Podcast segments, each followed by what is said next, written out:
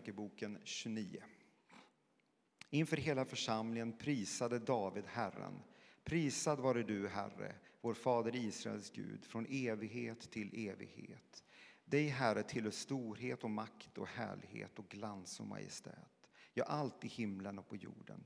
Ditt är riket, Herre, och du är den upphöjda härskaren över allting. Rikedom och ära kommer från dig och du råder över allting. I din hand är kraft och styrka. Allt har du makt att göra stort och starkt. Och nu, vår Gud, tackar vi dig och lovar ditt härliga namn. Ty vem är väl jag och vad är mitt folk att vi själva skulle kunna ge sådana frivilliga gåvor? Nej, från dig kommer allt, och det vi givit åt dig har vi fått ur din hand.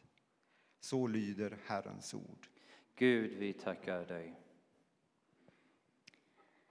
Dagens text, episteltext, första Thessalonikerbrevet 5, 16, 24. Var alltid glada, be ständigt och tacka hela tiden Gud. Gör så, det är Guds vilja i Kristus Jesus. Släck inte anden, förakta inga profetior, men pröva allt. Ta vara på det som är bra och avhåll er från allt slags ont. Må han som är fridens Gud helga er helt igenom och må er ande, själ och kropp bevaras hela och oskadda så att det är utan fläck när vår Herre Jesus Kristus kommer. Han som kallar er är trofast. Han ska åstadkomma det. Så lyder Herrens ord. Gud, vi tackar dig. Upplyft era hjärtan till Gud och hör dagens heliga evangelium enligt evangelisten Lukas.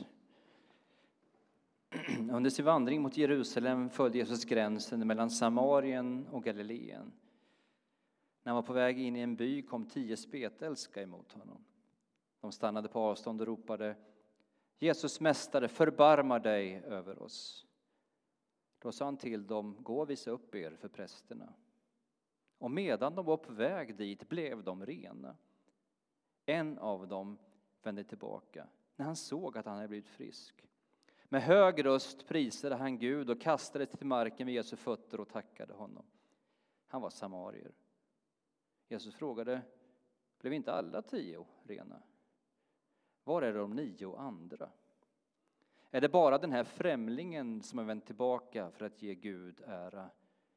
Och han sa till mannen, stig upp och gå. Din tro har hjälpt dig. Så lyder det heliga evangeliet.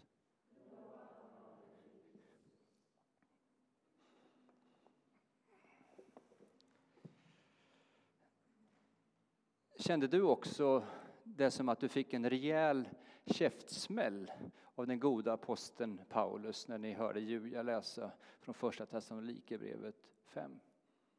Var alltid glada. Alltså vad är det för person?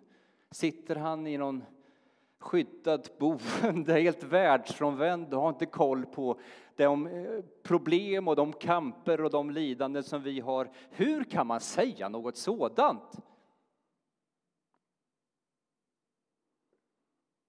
Men när man tittar lite på Paulus CV så märker man så här, vad har han för erfarenheter?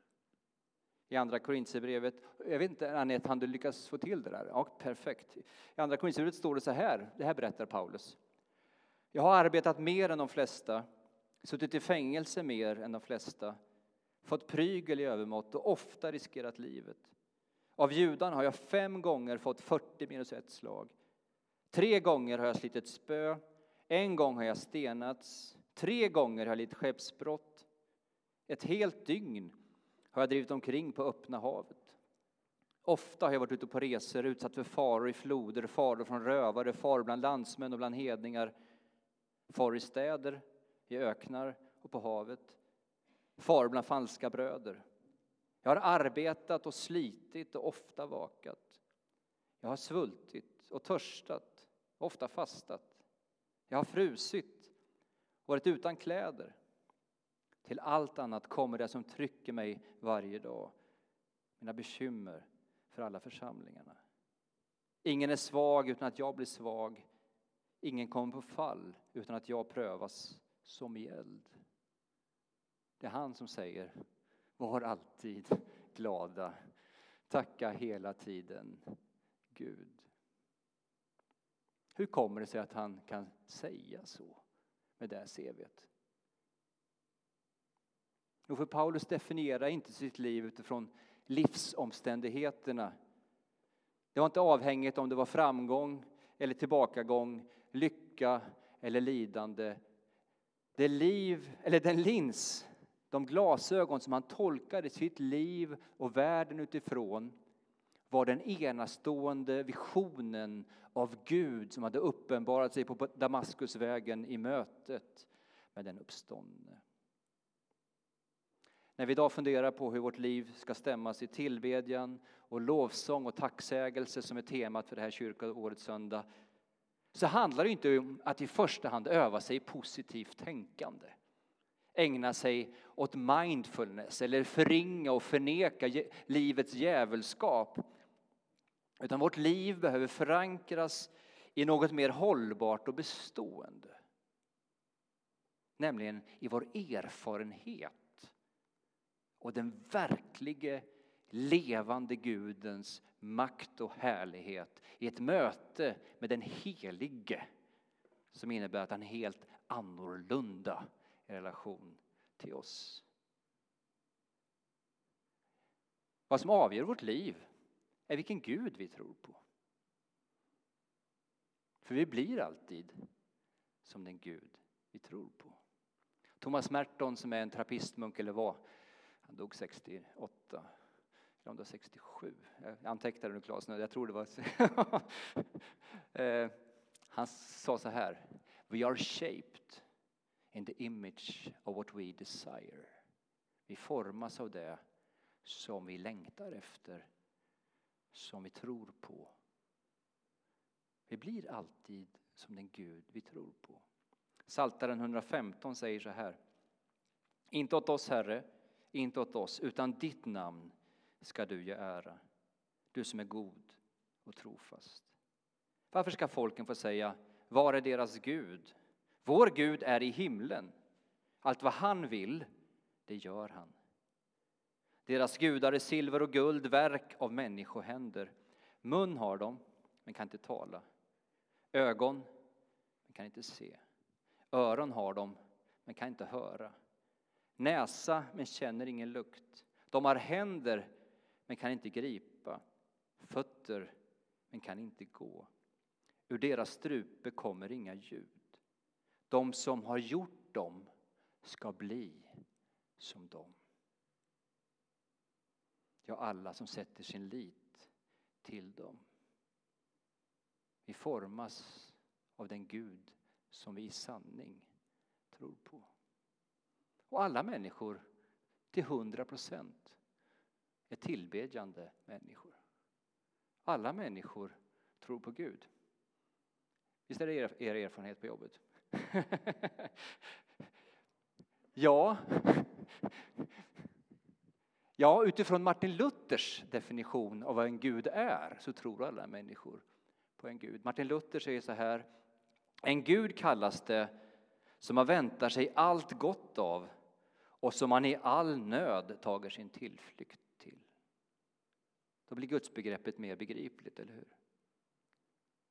Och vi är mästare på att trots att vi här i den här kyrkan varje söndag läser trosbekännelsen ändå formar våra egna gudsbilder som är strömlinjeformade och anpassade till våra behov och våra drömmar.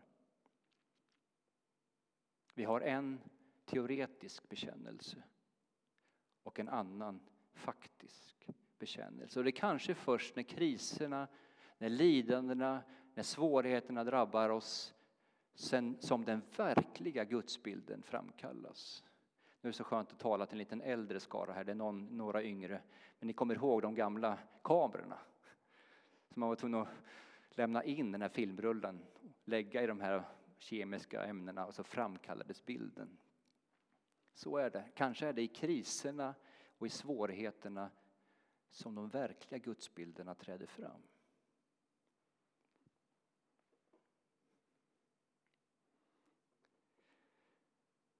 För när vi hamnar där Vem och vad är det nu vi väntar oss allt gott av och som vi söker vår tillflykt till när marken gungar under våra fötter? Paulus och den lovsång vi hörde David stämma upp i idag i den gammaltestamentliga läsningen visar på att de har drabbats av en vision av Gud av hans helighet och storhet som får tanken att svindla, hjärtat att börja sjunga och som ger dem en grund att stå på som bär dem igenom allt när det även är totalt omöjligt och helt nattsvart. För att bara återigen läsa lite av det David sa. Dig, Herre, tillhör storhet och makt och härlighet och glans och majestät, ja, allt i himlen och på jorden. Ditt är riket, Herre, och du är den upphöjde härskaren över allting. Rikedom och ära kommer från dig. Du råder över allting. I din hand är kraft och styrka. Allt har du makt att göra stort och starkt. Från dig kommer allt. Och det vi har givit, det har vi fått ur din hand. Men det här säger Paulus nästan, inte ordagrant, men i andemeningen ordagrant i Romarbrevet. Vilket djup av rikedom, vishet och kunskap hos Gud. Aldrig kan någon utforska hans beslut eller spåra hans vägar. Vem kan känna Herrens tankar? Vem kan vara hans rådgivare? Vem har skänkt honom något som han måste återgälda? Ty av honom och genom honom och till honom är allting. Hans är härligheten i evigheters evighet. Amen. Och församlingen säger också amen, eller hur? Vem kan vara Herrens rådgivare? Jag är rätt bra på det. Har ni gått in i den rollen också? Att bli Herrens rådgivare, kanske inte minst i våra böner och samtal med Gud. Alltså, jag har en idé.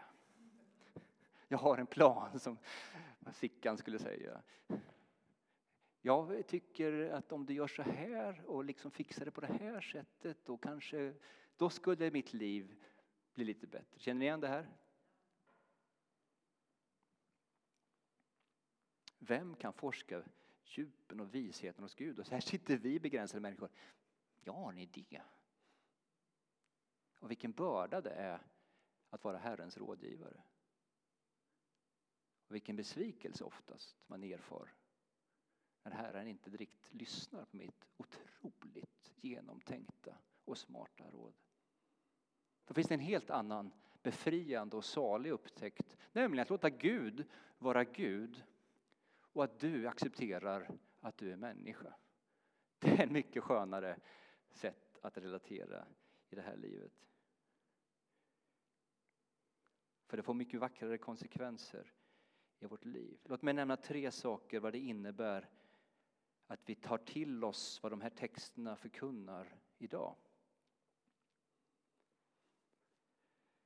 Om Gud är den som är den upphöjda härskaren och råder över allt så innebär det i praktiken att vårt liv vilar i Guds hand och att Gud kan verka i allt och genom allt. Paulus säger i Romarbrevet 8. Vi vet att Gud på allt sätt hjälper dem som älskar honom att nå det goda, de som han har kallat efter sin plan. Till de han i förväg har utsett har han också kallat och de han har kallat har han också gjort rättfärdiga. Och bestämt oss till att formas efter hans sons bild så att denne skulle vara den förstfödde bland många bröder. Det är en otroligt revolutionerande, provocerande, utmanande och befriande vers. Alltså det innebär inte att allt som sker i vårt liv är ett utslag av Guds goda vilja. Ibland, som Paulus säger, så är det saker som sker som bara är meningslöst. Tomhetens välde och ont. Men i allt som sker verkar Gud så att vi formas efter hans sons bild. Jag gillar inte den gamla översättningen 1917, kommer ni ihåg vad som stod där? För den som älskar Gud samverkar allt till det bästa. Det känns så här, jaha, Gud vill nog den här cancern. Det är nog det bästa ändå. Nej. Meningslöst, ondskefullt. När, ville Gud den här skilsmässan? Nej, meningslöst, ondskefullt. Men det här är bättre. Men för de som älskar Gud, Gud hjälper dem som älskar honom att nå det goda, som är att formas efter hans sons bild. Det är någonting annat än att se på sitt liv och tänka sig, vart det bra, vart det lyckat, vart det framgångsrikt? Nej, men i det som också var smärtsamt, meningslöst och jobbigt så kan Gud i sin suveränitet forma någonting i våra liv som gör våra hjärtan ännu mer ödmjuka, ännu mer mänskliga, ännu mer barmhärtiga och ännu mer trogna. Är ni med? Jag säger?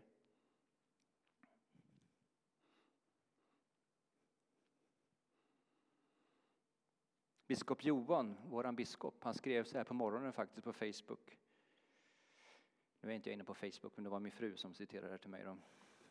Jag är en helig människa. Va?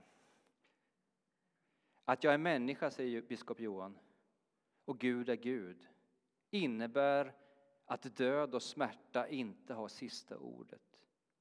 Det innebär att den totala ensamheten bryts av den obegripliga närvaron. För det andra, om Gud är den som äger riket, som David sa, och kommer med sitt rike, så finns det ett hopp som bär. Och jag var inne på det för er som var med på församlingsdagen på Höllvikstrand. Roland Spjut skriver så här. Det kristna hoppet innebär att Guds allsmäktiga kärlek kommer att segra. Och att denna kärlek har makten att göra historien och varje människas liv meningsfull. Och utifrån den uppenbarelsen så befrias vi från lyckade liv. Från prestationskrav, från resultaträknande och kan istället befrias till att i trohet tjäna varandra och världen. För det är inte vi som bygger Guds rike. Jag hade en återkommande diskussion, jag satt i en grupp som heter Frizon. För de tjatade hela tiden så här, vi, i sina böner, vi tackar dig att vi får vara med och bygga ditt rike. Och jag bara sa, vi bygger inte Guds rike. Vi tar emot Guds rike. Och gestaltar det genom den helige Ande. Det är Gud som kommer med sitt rike. Det är Gud som frälser, eller hur? Det är Gud som ger oss sin ande. Det är Gud som tänder längtan i oss. Och vi får vara mottagare och därmed befrias ifrån att hålla på och recensera våra liv. För det tredje. Som både David och Paulus sa. Om Gud är den som ger allt så kan vi bara förstå vårt liv som en gåva vilket leder till att rättighetstänkandet avtar och ersätts av ödmjukhet.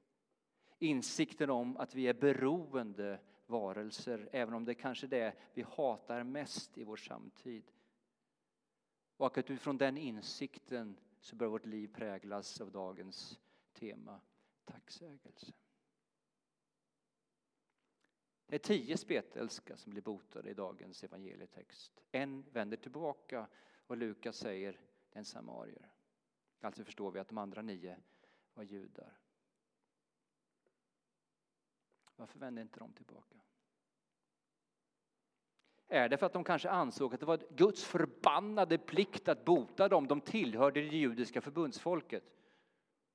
Medan främlingen, samarien, såg det här som en helt oväntad, oförtjänt gåva. Är det så vi ser vårt liv? Som en rättighet eller som en gåva? Hur ofta brukar du klaga på Gud när du har mycket pengar i plånboken, när du har mat på bordet, när du har en karriär som känns tillfredsställande, när barnen inte är sjuka och lyckas bra i skolan? Brukar du hytta näven åt Gud då? När gör du det? För det tar ju för givet. Det är väl min rättighet. Det är väl så Gud ska behandla mig. När vi börjar stava på orden utifrån Romarbrevet 11, av honom, genom honom och till honom är allting, så föds en djupare sång i vårt hjärta. När Paulus formulerar de här svårsmälta orden i Första Thessalonikerbrevet 5 så talar han inte om vår dagsform. Eller att man inte får känna dysterhet, eller sorg eller besvikelse som kristen. Det finns ju rätt många klagosalmer i Bibeln. Så vad är den ute efter? Jo, han talar om en livshållning och en livstolkning som skapar en grundton i oss som ljuder starkare än tillfälliga konjunkturer i vårt känsloliv. Som är förankrat i något mer hållbart och säkert än de falska gudarnas luften.